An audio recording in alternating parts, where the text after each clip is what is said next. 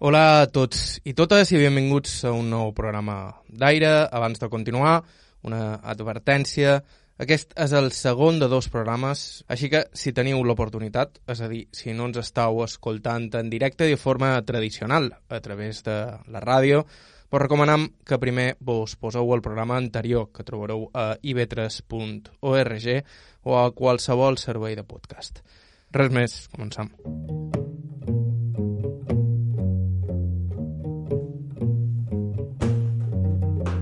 Ens havíem quedat a la meitat de la història de Cesc Mulet. Pels que no vareu escoltar el programa anterior, en Cesc és aquest senyor d'aquí. Cesc Mulet va néixer el dia de Sant Joan, a Inca, l'any 1957. Cesc Mulet va néixer en un entorn propici per dedicar-se a una feina creativa. En el seu cas, la vocació seria fer cinema. El destí real, ser productor i realitzador de documentals.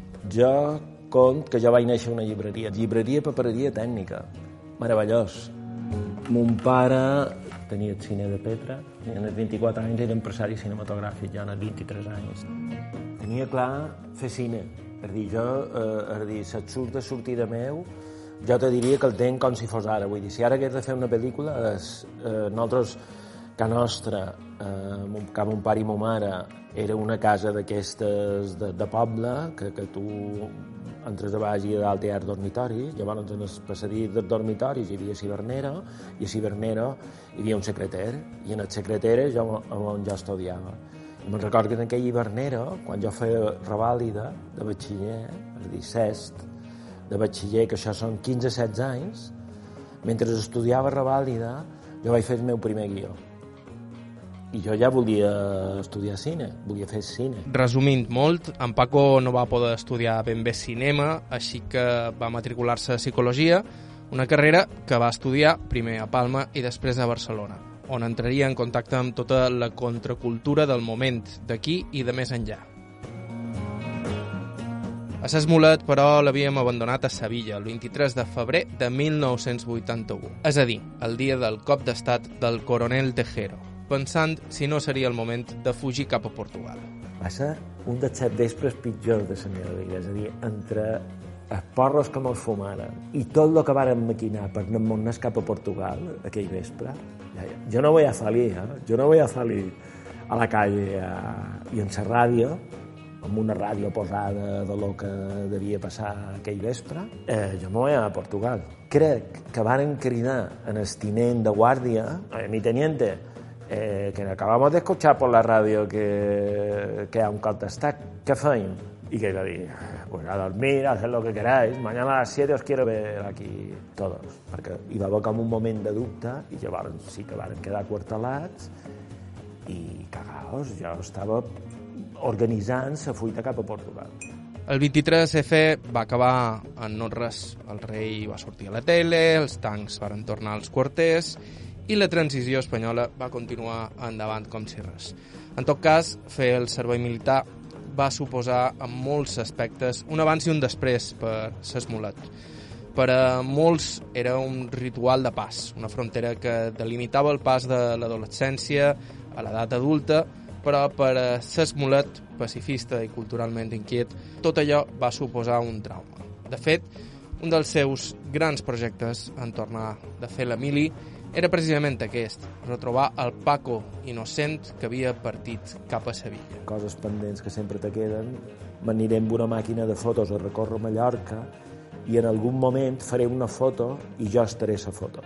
És a dir, jo sabia que havia quedat retratat a un moment, aquell xesc anterior a Emili, estaria per allà, potser era una sombra, era una fulla d'un arbre, era el que fos, i me retrobaria. I en aquest retrobament ja, ja me'n podria anar a Barcelona, perquè, clar, com que les caixes de reclutes anaven per províncies i jo, jo era mallorquí, jo me'n vaig anar de Pelaires i la meva imatge és que jo havia quedat a, en el moll de Pelaires. Jo me n'anava, però jo estava a Pelaires. I llavors aquest era el projecte que no vaig fer mai, vaig entrar a Vídeo 1 i fins l'any 1997. Vídeo 1 va ser una de les primeres productores audiovisuals que es van crear a les Balears, si no va ser la primera. Eren temps excepcionals pel mitjà perquè una nova tecnologia s'estava expandint fins que va ser present a totes i cada una de les nostres cases, el VHS. El nuevo vídeo Philips repite, repite imagen. La retarda o acelera, la busca y la para. Y todo con la calidad de imagen Philips. Además tiene 8 horas de sonido en alta fidelidad. Y solo 8 centímetros de altura. Nueva gama de vídeos Philips VHS. Su nueva imagen. Va ser precisament en una cinta de VHS que vaig veure per primer cop Acció Mutante, la pel·lícula d'Àlex de la Iglesia, una pel·lícula que marcaria tota una generació, la dels anys 90. S'Esmolet va ser l'escript durant aquell rodatge i va estar a punt de ser-ho també de la següent pel·lícula del director, El dia de la bèstia. Si no hi va ser, és perquè havia decidit que havia de tornar a Mallorca i fer ell mateix pel·lícules des d'aquí. Per això va crear la Perifèrica, la seva productora, una de les més veteranes de les Illes Balears. Estau escoltant Aire, a IB3 Ràdio, vos parla Joan Cabot. Començam.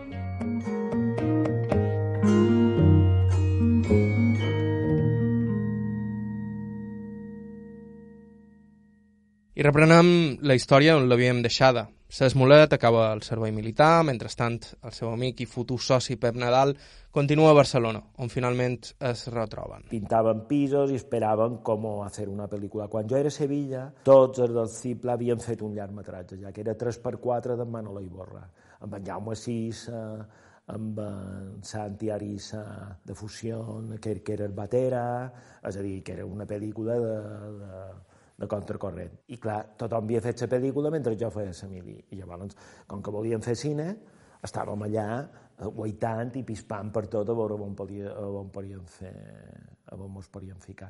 Què va passar? Que jo crec que vaig venir per Nadal a veure mon pare i mon mare i a fer la retrobada amb els germans i tal, vaig tornar de Nadal cap a Barcelona i cap a febrer, jo record a final de gener, li vaig dir a Agnès, que era la meva companya en aquells moments, jo me'n torno a Palma a ubicar-me una miqueta perquè aquí això és una mala fi. Varen mantenir el pis i tota la història a Barcelona, però jo vaig venir cap aquí i un company, en Pet Siquier, que també d'Inca, a més, que havia estudiat en el Cipla, havia muntat una productora audiovisual que se deia Vídeo 1. I jo anava i venia de Barcelona.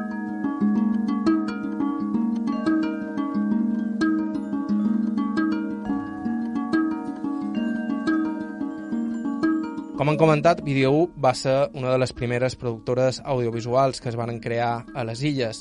Llavors, la tecnologia era caríssima. Encara ho és, el manco la tecnologia professional, però llavors ho era encara més. I tampoc era un negoci tan rentable. Els clients eren comptats, bàsicament institucions, així que la cosa, si encara avui és arriscada, llavors era absolutament delirant. Jo crec que, si no la primera, una de les tres primeres. La primera feina que fèrem, febrer de 1982, de fet en Pep me va cridar, se va enterar que havia vengut a Mallorca, me va cridar a la llibreria, me diu, eh, podries venir a ajudar-me que m'ha sortit un congrés d'òptiques a l'auditorium i una exposició de pintura a una galeria. A partir d'aquí, tinguen el cap, magnificat o no, vàrem organitzar una exposició en el Col·legi d'Arquitectes de videoart. Jo estava molt ficat a històries de videoart, que eren elucubracions, paes mentals i experiments visuals i unes coses Nam Jun Pai, que era un dels nostres déus, distorsions de colors i superposicions d'imatges i sense cap tipus de narrativa. I arrel d'això jo crec que varen fer coneixença en cultura de l'Ajuntament de Palma i en premsa i mos varen encarregar o nosaltres el de varen vendre, no t'ho sabria dir, tot era anava com a la part. Les campanyes d'estiu, és dir, el que serien les colònies d'estiu, varen muntar un taller de vídeo, un taller d'audiovisuals, i vaig conèixer tothom, és dir, vaig conèixer a la, que, la meva dona ara i mare de les nostres nines, en Helena, en en Jaume Caldentell, en Antoni Bonet, en Joan Carles Palos, i per aquell taller, en Nofre Mollet, va passar, igual a teatre, va passar, és a dir, va ser com un, un era gratis, eren aquelles coses que eren 15 dies de taller de vídeo, vídeo, pensa que nosaltres anàvem amb una cosa que se diu Umàtic, que era un caixonet transportable amb una càmera i Televisió Espanyola anava empolsada amb un broca que havien de dur com una carreta amb un camió que pesava 42 tonelades i nosaltres érem un equip lleuger ultramoderno i VHS Power, eh? vull dir, hi havia videoclubs, és dir, era lo más. Era, el vídeo era com, com ara l'iPhone 5G que aviat desapareixerà perquè molt ha duit el coronavirus, no? S'Esmolet tenia els peus i les mans a Mallorca, però el cervell era a un altre lloc, a la península, esperant sempre que sorgís l'oportunitat de fer feina en alguna pel·lícula. Vaig aquí a crear Vídeo 1, ell tot sol en la Rosana, la seva companya, això devia ser setembre-octubre de 1981, jo era a Sevilla, en Pep ja era a Barcelona, nosaltres sempre dèiem, quan estudiàvem, que si tornàvem a Mallorca faríem una plataforma cinematogràfica, dins el rotllo del vídeo comunitari, de, i al final pues, va muntar una SL que va aconseguir que son pare li deixés 4 milions de pessetes. Era bastant cara la tecnologia en aquell moment. I quan jo vaig entrar al febrer a Vídeo 1, amb en Pep, el que parlàrem és ell tenia una mala consciència horrorosa. Si en 3 anys he tornat als 4 milions, no vull esperar 4, és a dir, l'objectiu era tornar tot bé a son pare i després sí que podríem fer una plataforma o fer un garatge o fer el que tu li vulguis dir, no? Llavors feien feina escarada, tot el que mos sortia i més, de vídeo, que estava eh, eh, pujant, saps? Pujant, pujant, però, per exemple, una conversa en l'àrea cultural de la Caixa era, hòstia, nosaltres estem fent diapositives de, com a lo més modern, i nosaltres proposàvem vídeo, vull dir, vídeo era una cosa que no apareixia sí, però no, saps? Perquè també fèiem el recull de tots els festivals, eh, fèiem les escoletes d'infant, llavors dins tota aquesta història entre vídeo industrial, vídeo municipal, la història del cine seguia. En Pep estava fent d'ajudant de direcció d'en Vigas Luna, estava dins una petita roda industrial de cine, jo com que estava com enganxat a Palma, però aixecava la mà cada vegada que m'ho vaig dir, tio, la primera que pugui entrar a una pel·lícula, ja saps que jo, jo volia fer una pel·lícula.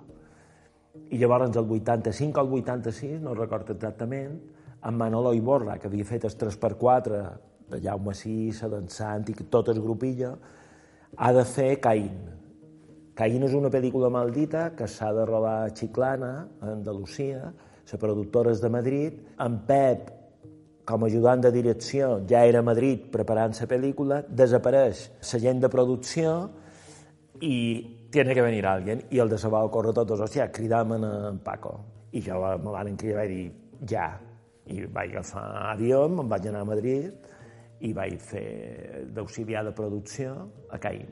I aquesta va ser l'arrencada. A partir d'aquí ja va ser un non-stop vaig estar una pel·lícula d'Antonio Chavarrías amb en Maria Barranco i en, i en Mathieu, Mathieu Carrier,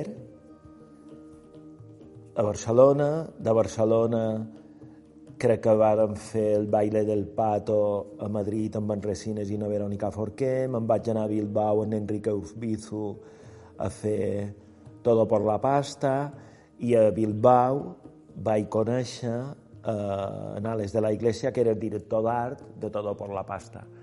I ell, quan mentre fèiem Todo por la Pasta, ell tenia un curtmetratge que se deia Piratas del Espacio, va contactar amb la productora d'en Almodóvar, del Deseo, que estava cercant nous valores i tenia ganes de produir pel·lícules que no fossin seves. Me record que se'n va anar, va fer una fuita a Madrid i va venir excitadíssim, no? Un largo, ha dicho, le ha encantado la idea, tenemos que hacer un largo, tenemos que... i se va convertir en Acción Mutante, i evidentment l'equip que estàvem a Todo por la Pasta, és dir, Carles Gussi, director de fotografia, tot el seu comando marrón, que era tot el d'art, Narri, en Biafra...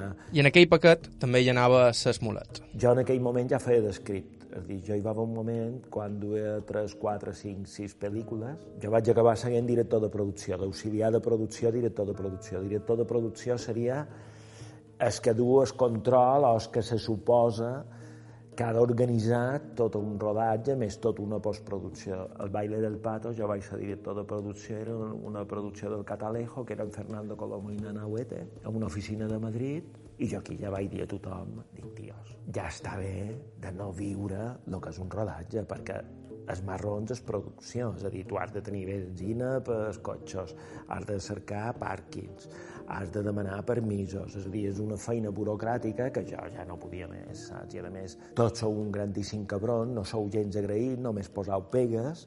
La meva metàfora era, vosaltres seguiu en sa moto com Easy Rider, saps? És a dir, tot allí, con la cabellera al viento, sense casco, però és que jo, correguent, posant benzina perquè ells no s'aturin ni disfrutin i ni siquiera te donaven, ni, ni tan sols te donaven gràcia. I vaig dir, jo deixo la producció i vaig dir, hòstia, script, que normalment era una dona que feia d'escript, secretària de rodatge, però és que l'escript té una cadireta, se posava a vora el director i vora el director de fotografia i en primera fila, tío, fila cero para ver lo que es un rodaje. I vaig debutar a Todo por la Pasta i de Todo por la Pasta me'n vaig anar a Cien Mutante.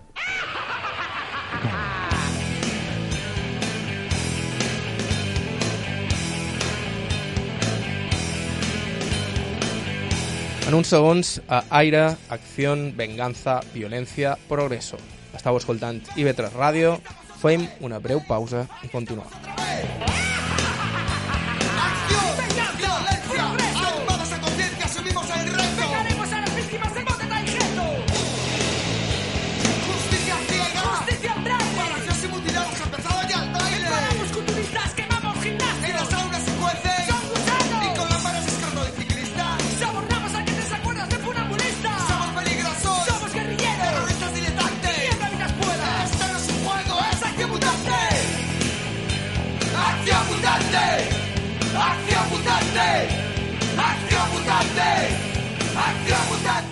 Hola de nou, estàu escoltant Aire, som en Joan Cabot. Continuem amb la història del nostre protagonista d'avui i de la setmana passada. Us recordam que aquest és el segon de dos episodis que podeu recuperar en qualsevol moment a ib3.org o via podcast.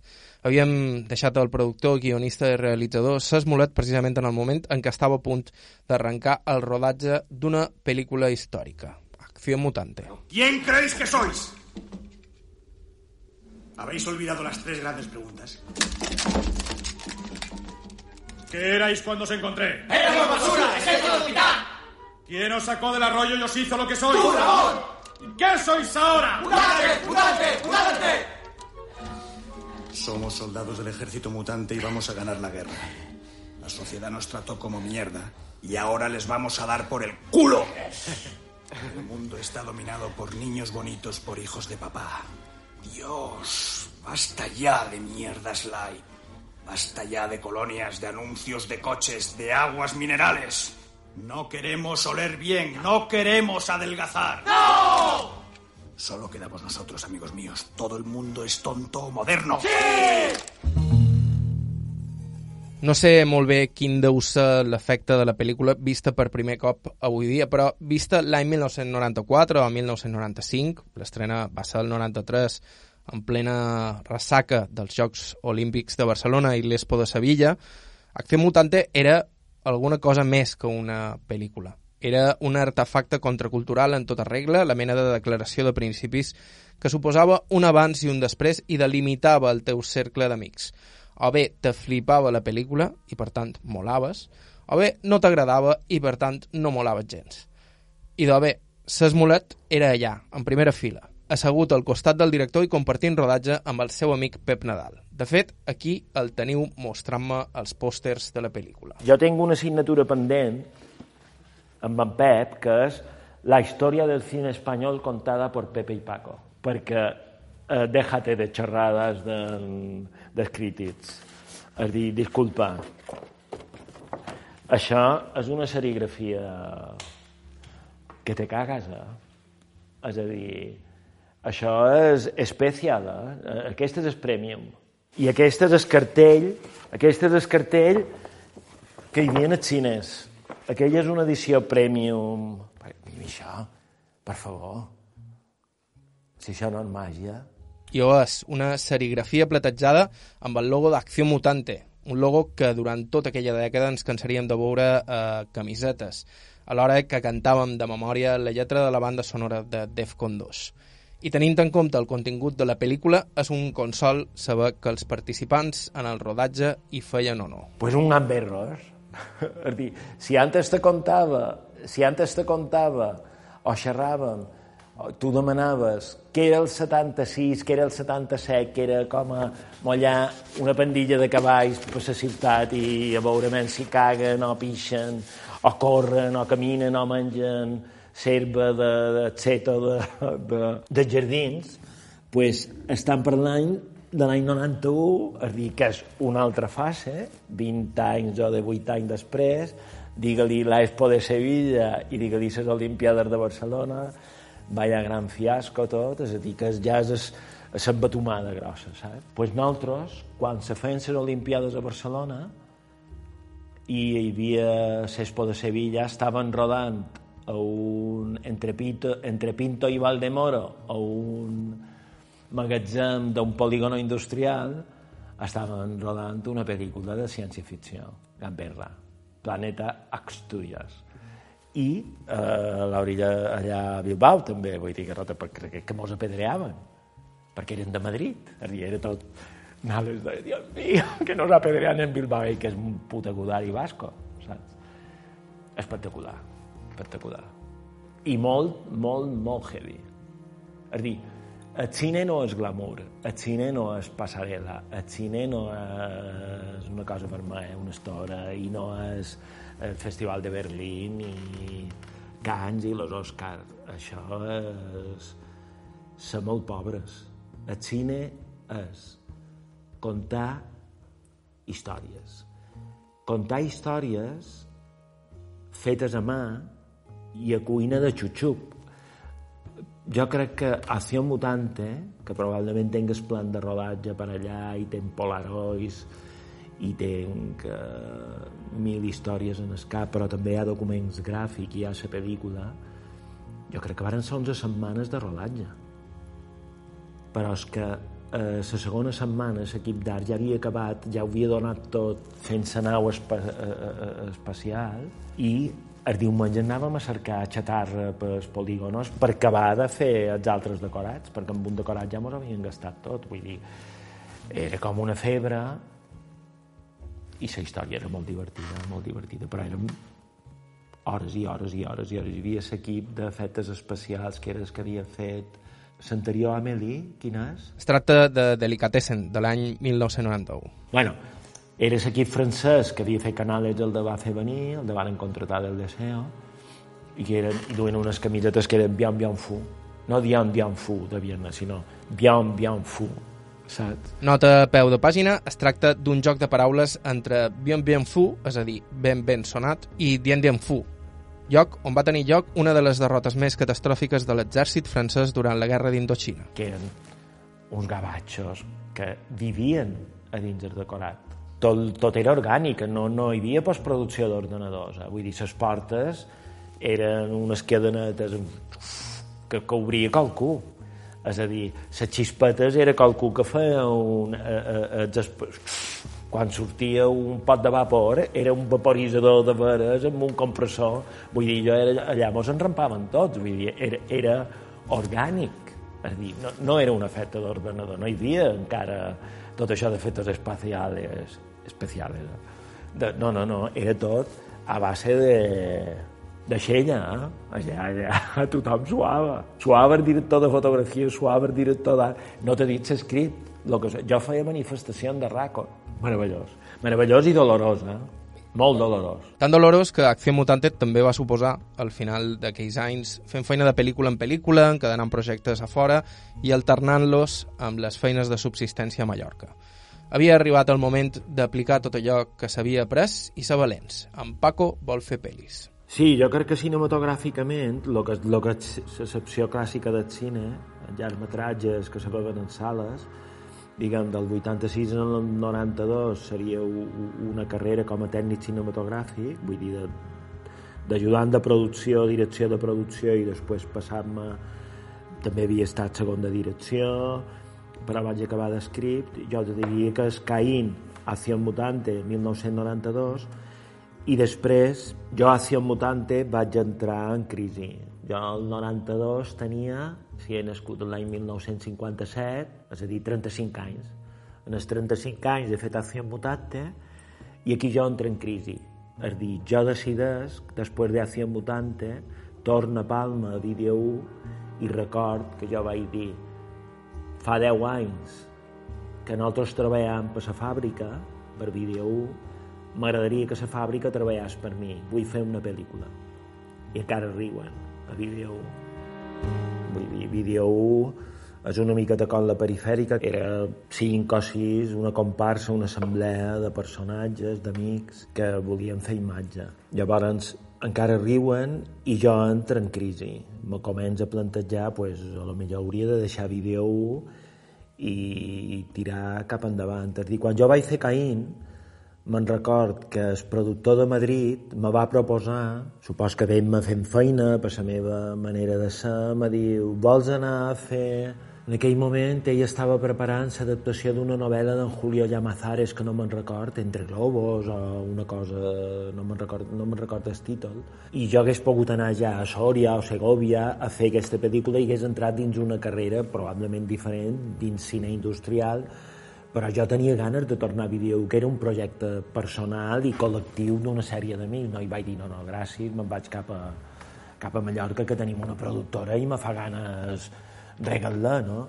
bueno, pues aquest regar en el 92 jo me'n vaig donar compte que jo ja no, després de 10 anys, aquí no, no, no, hi, havia, no, no hi havia coincidència de criteris. No? Llavors, entre el 92 i el 97, que és quan cream la perifèrica, jo ja volia deixar el 92 Vídeo 1 i, i pensar aquesta plataforma per fer, per fer cinema i mentrestant entre el 92 i el 97 jo el que feia era visitar en els col·legues, en els amics que feien pel·lícules. És dir, jo recordo que vaig anar a València, que vaig anar a la pel·lícula també mítica en Nicky Pop allà a les Bárdenas, on havien rodat també Acción Mutante, que en Pep i en Carles Argussi, el director de fotografia, estaven rodant a Tolladero, i jo ja plantejava com ho hem de fer per, per, per, per, per, per fer cine, no?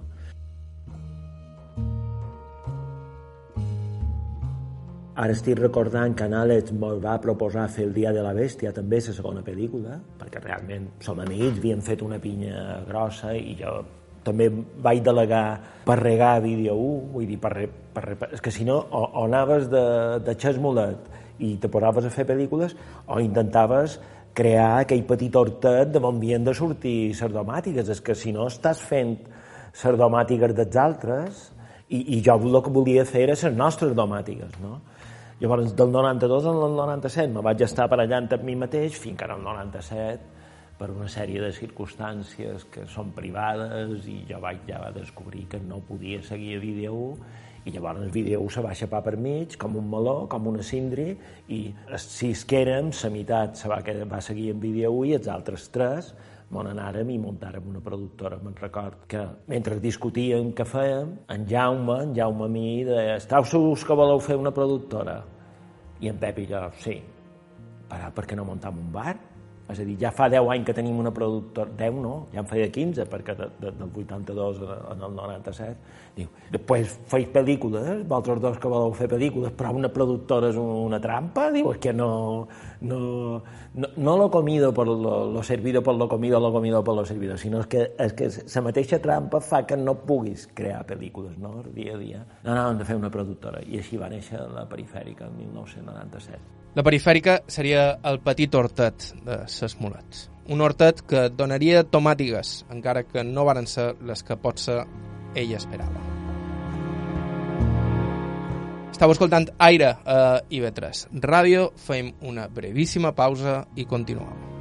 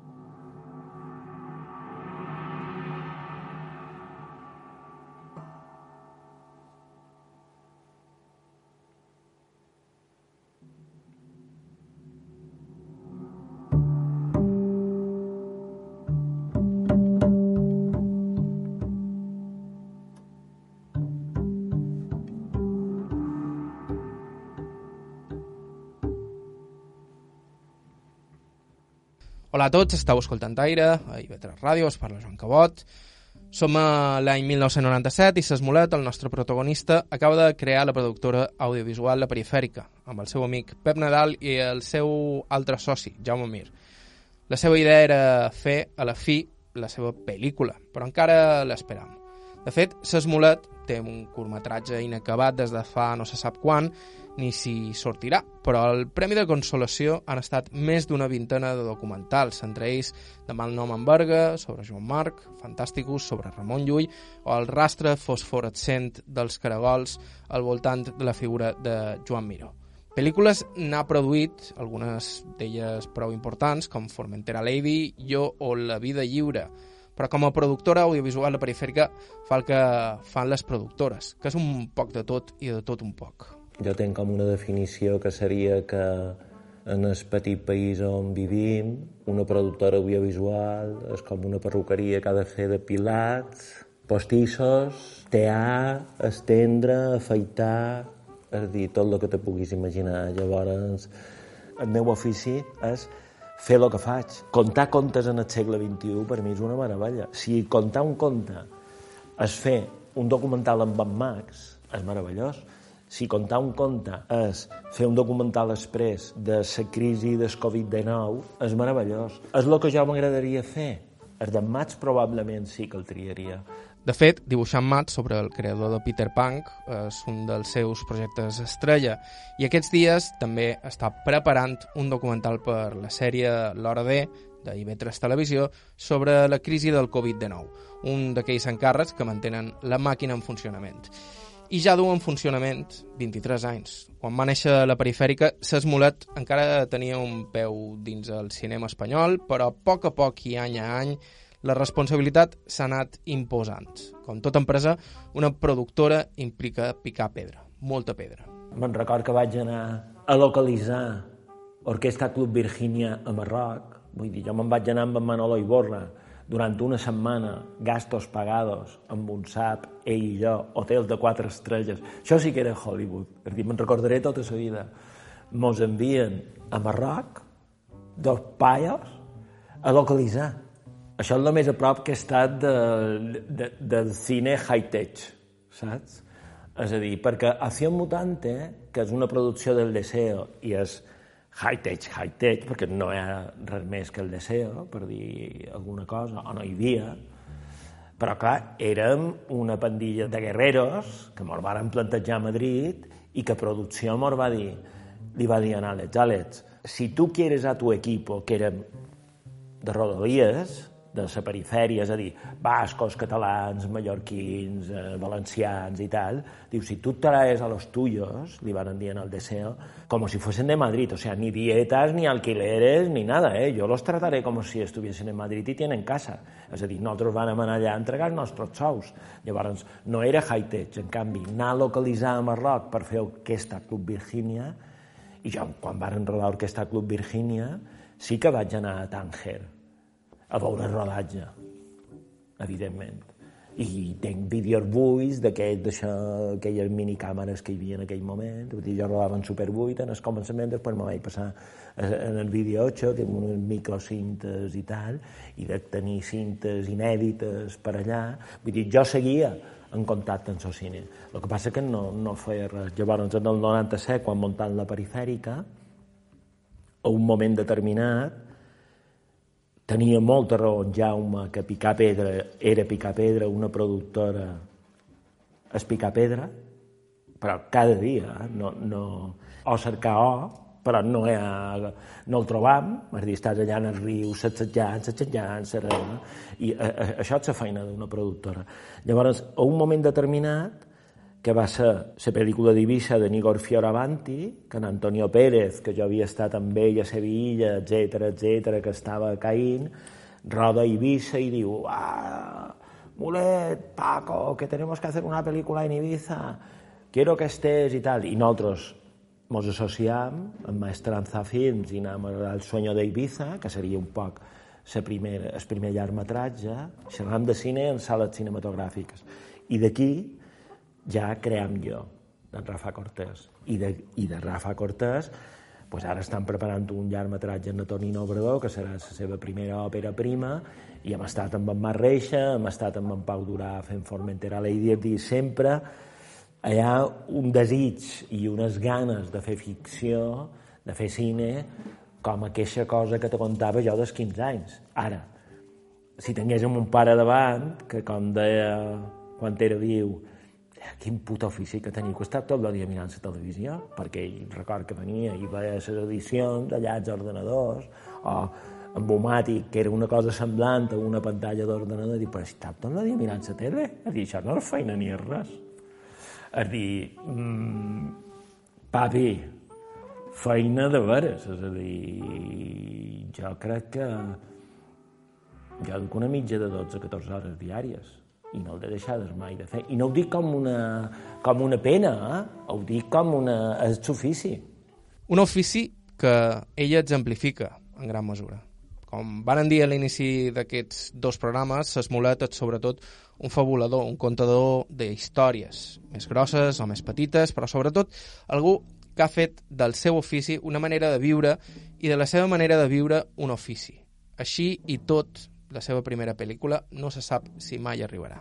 Jo sempre dic a la perifèrica que, que hem de fer un documental d'una cosa plana que se diu cartolina. Bueno, doncs pues anem a fer-ho. Hem de fer un documental d'una cosa que té forma de tassó? Doncs pues ja el farem. Hem de fer un documental d'un fotògraf que té nom, llinatge, caga, pixa i dorm i se desperta cada matí, una biografia, anem a fer-la l'han de fer d'una paret llisa, d'una paret en gotelé, que no m'interessa. Tot, tot, té, tot té xispa. Jo entro en depressió constantment. Vull dir, jo seguit dient a les meves filles que tenen 21 anys, ara mateix, que jo no he fet cap pel·li. Jo, de la perifèrica, saben que jo dic, jo duc 25 documentals de 60 minuts, probablement però jo sé que et diguen que no he fet mai cap pel·li. I he estat a Montreal, he estat a Perpinyà, els meus documentals han anat a Moscou, a Beirut, a, a mig món. Els nostres documentals m'agrada matisar perquè a vegades dic jo, jo, jo, jo, i el que m'apassiona de, del cine o de, de, de la televisió és que és una feina col·lectiva, que és complicada. Vull dir, jo he sentit en Miquel Barceló, sóc qui he treballat diferents vegades a documentals, o en Toni Catany, el meu gran admirat Toni Catany, que quan li vaig proposar fer documental, com el 2000 no sé quan, me va dir, estàs segur? Sí, sí, sí, però no el farem mai perquè no trobarem finançament i quan varen decidir fer-lo, que no tenien finançament, se va morir 15 dies abans de que nosaltres havíem quedat un octubre del 2013 per començar a rodar, encara que no tinguessin tot bé, i se va morir d'un infart, no? I ell me deia, jo m'hagués agradat molt fer cine, però és que fer feina acompanyat, no, jo no ho aguantaria, jo he de fer feina tot sol. En Miquel Barceló, tota la vida dit el mateix. Dir, jo m'agradaria fer cine. Cine té una cosa que, que, que per molt sentida és vera, que és hi ha arquitectura, música, eh, modista, història, espai, eh, quarta paret, hi ha els actors, hi ha eh, els tècnics, és a dir, és com una suma de, de, de, de tot un món concentrat a dins una bolla i es tenca dura i després hi ha la meravella de la muntanya, que és que tu tot sol, amb un muntador, o amb dos, o el que sigui, estàs recreant la musicalitat, o seria l'orquestació de tot allò que tens, aquelles peces que tens, i tens una altra oportunitat de contar la història. És molt llarg, està tot molt concentrat, no és un llibre que ho fa un, un tio tot sol, entren moltes cames i molt de peus, no? i moltes mans, però té una cosa meravellosa, no sé, a mi, a mi m'apassiona, no sé, hi ha gent que fa feina tot sol i gent que fa feina col·lectiva, no?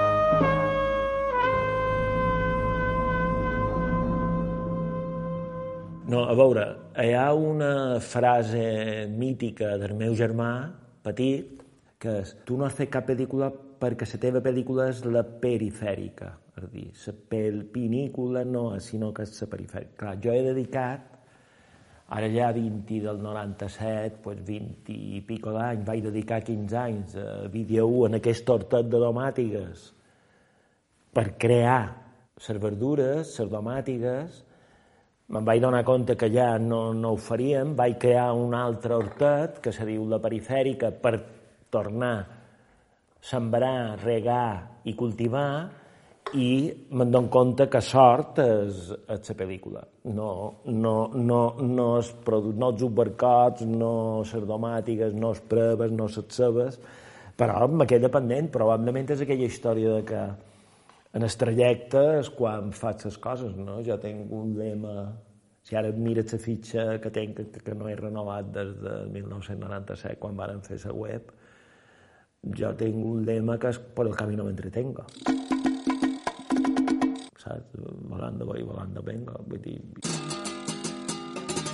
I supos que se trata d'això, de fer camí.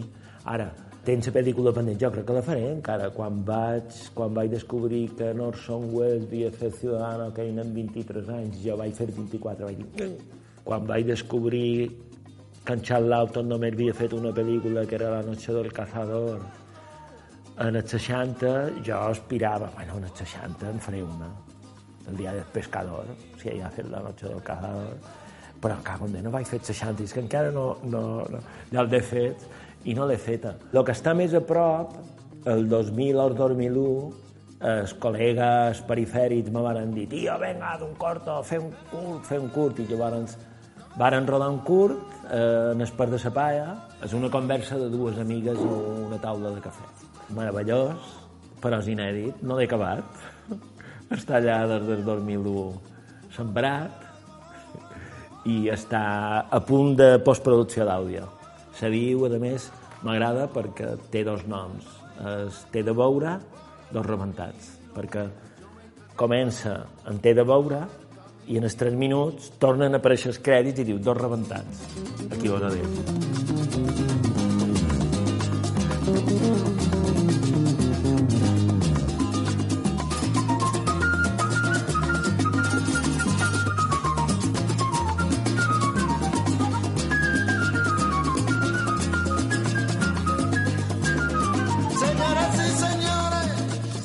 dir. S'Esmolet té ara mateix 67 anys. En aquestes alçades i després de tot el que s'hi ha fet és poc important si la pel·lícula arriba o no arriba. Però abans d'acomiadar-nos no puc evitar demanar-li per aquell projecte que tenia just tornar de fer el servei militar, de fer fotografies de Mallorca fins retrobar-se i trobar-se a ell mateix dins una d'aquelles imatges. Li he de demanar si ho va aconseguir mai. No, i me sap molt de greu no haver fet aquest projecte. Supos que me n'aniré sense haver-me trobat. És a dir, errata sum. Tot és meravellós i contradictori. I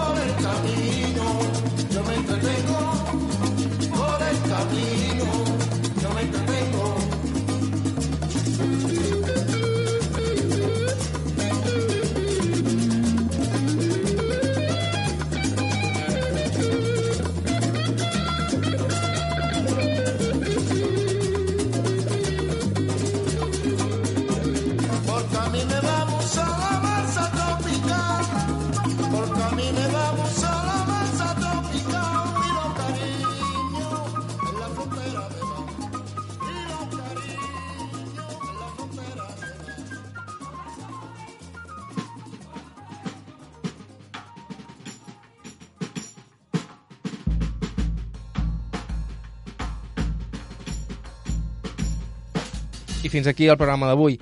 Milions de gràcies a Sesmolet pel seu temps i contar-nos la seva història.